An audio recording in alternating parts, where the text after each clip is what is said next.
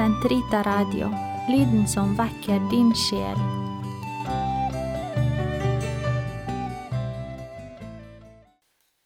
Den katolske kirkes katekisme, uke 29, lørdag 2150 til 2159. Misbruk av Herrens navn. Det annet bud forbyr mened. Å avlegge ed eller sverge er å ta Gud til vitne på det man sier. Det er å kalle på Guds sannruhet til å borge for ens egen sannferdighet. Edsavleggelse trekker Herrens navn inn i saken. Herren din Gud skal du frykte, ham skal du tjene, og ved hans navn skal du sverge. Å fordømme meded er en plikt mot Gud, Gud som skaper, og Herre er all sannhetsnorm. Menneskeord er i samsvar eller i strid med Gud, som er sannheten selv. Når en ed er sannferdig og lovlig, gir den forholdet mellom menneskets ord og Guds sannhet til kjenne. Mened er å stevne Gud som vitne for en løgn.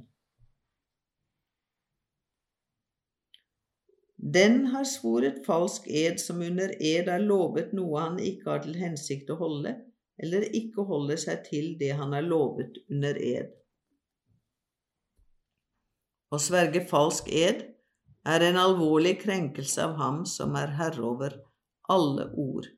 Under ed å forplikte seg til å gjøre noe ondt strider mot det guddommelige navns hellighet. Jesus forklarte det annet bud i bergprekenen. Dere har også hørt at det er sagt til deres forfedre, du skal ikke sverge falsk, og du skal stå Herren til ansvar for det du har svoret. Men jeg sier dere at dere skal overhodet ikke sverge, si ja når dere mener ja, og nei når dere mener nei. Alt utover det er av det onde. Jesus lærer at alle eder innebærer en henvisning til Gud, og at Guds og Hans sannhets nærvær må æres i alle ord.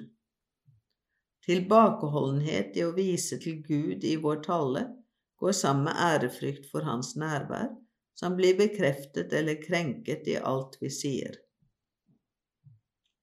I samsvar med den hellige Paulus har ikke Kirkens tradisjon forstått Jesu ord dit hen at han forbyr å avlegge ed når alvorlige og rettmessige omstendigheter krever det, for eksempel i retten. Ed, det vil si å føre det guddommelige navn som sannhetsvitne, skal bare avlegges sannferdig, skjønnsmessig og rettmessig.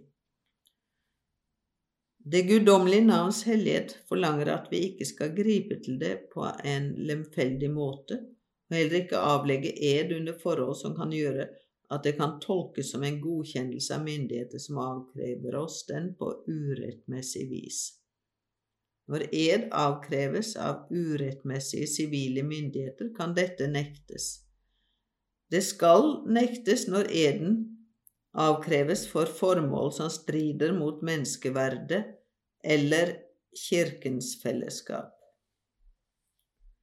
Døpenavn Dåpens sakrament meddeles i Faderens og Sønns og Den hellige ånds navn.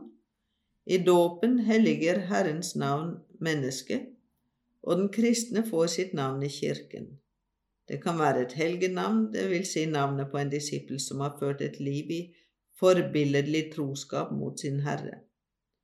En vernehelgen er et forbilde på kjærlighet og en sikker forbeder. Døpenavnet kan også uttrykke et kristent mysterium eller en kristen dyd. Foreldre, faddere og sogneprest må passe på at det ikke blir gitt noe fornavn som kjennes fremmed for kristne ører. En kristen begynner dagen, bønnene og alt han foretar seg, med korsets tegn, i Faderens og Sønnens og Den hellige ånds navn. Amen. Den døpte vier dagen til Guds herlighet og påkaller Herrens nåde, som gjør ham i stand til å handle i ånden som et barn av Faderen. Korstegnet styrker oss i fristelser og vanskeligheter. Gud kaller enhver ved navn. Hvert menneskes navn er hellig. Navnet er menneskets ikon. Det avkrever aktelse som tegn på verdigheten til den som bærer det. Det navn vi har fått, er et navn for evigheten. Guds rike vil være enkelts lønndomsfulle og enestående særpreg, merket med Guds navn, stråle i full, glans. Den som seirer, han skal av meg få en liten hvit sten med et nytt navn risset inn, et navn som ingen kjenner uten han som får det. Åpenbaringen 2,17 Jeg så lammet stå på Sionsberg, og sammen med det 144 000 som bar dets navn og dets fars navn skrevet på sine panner.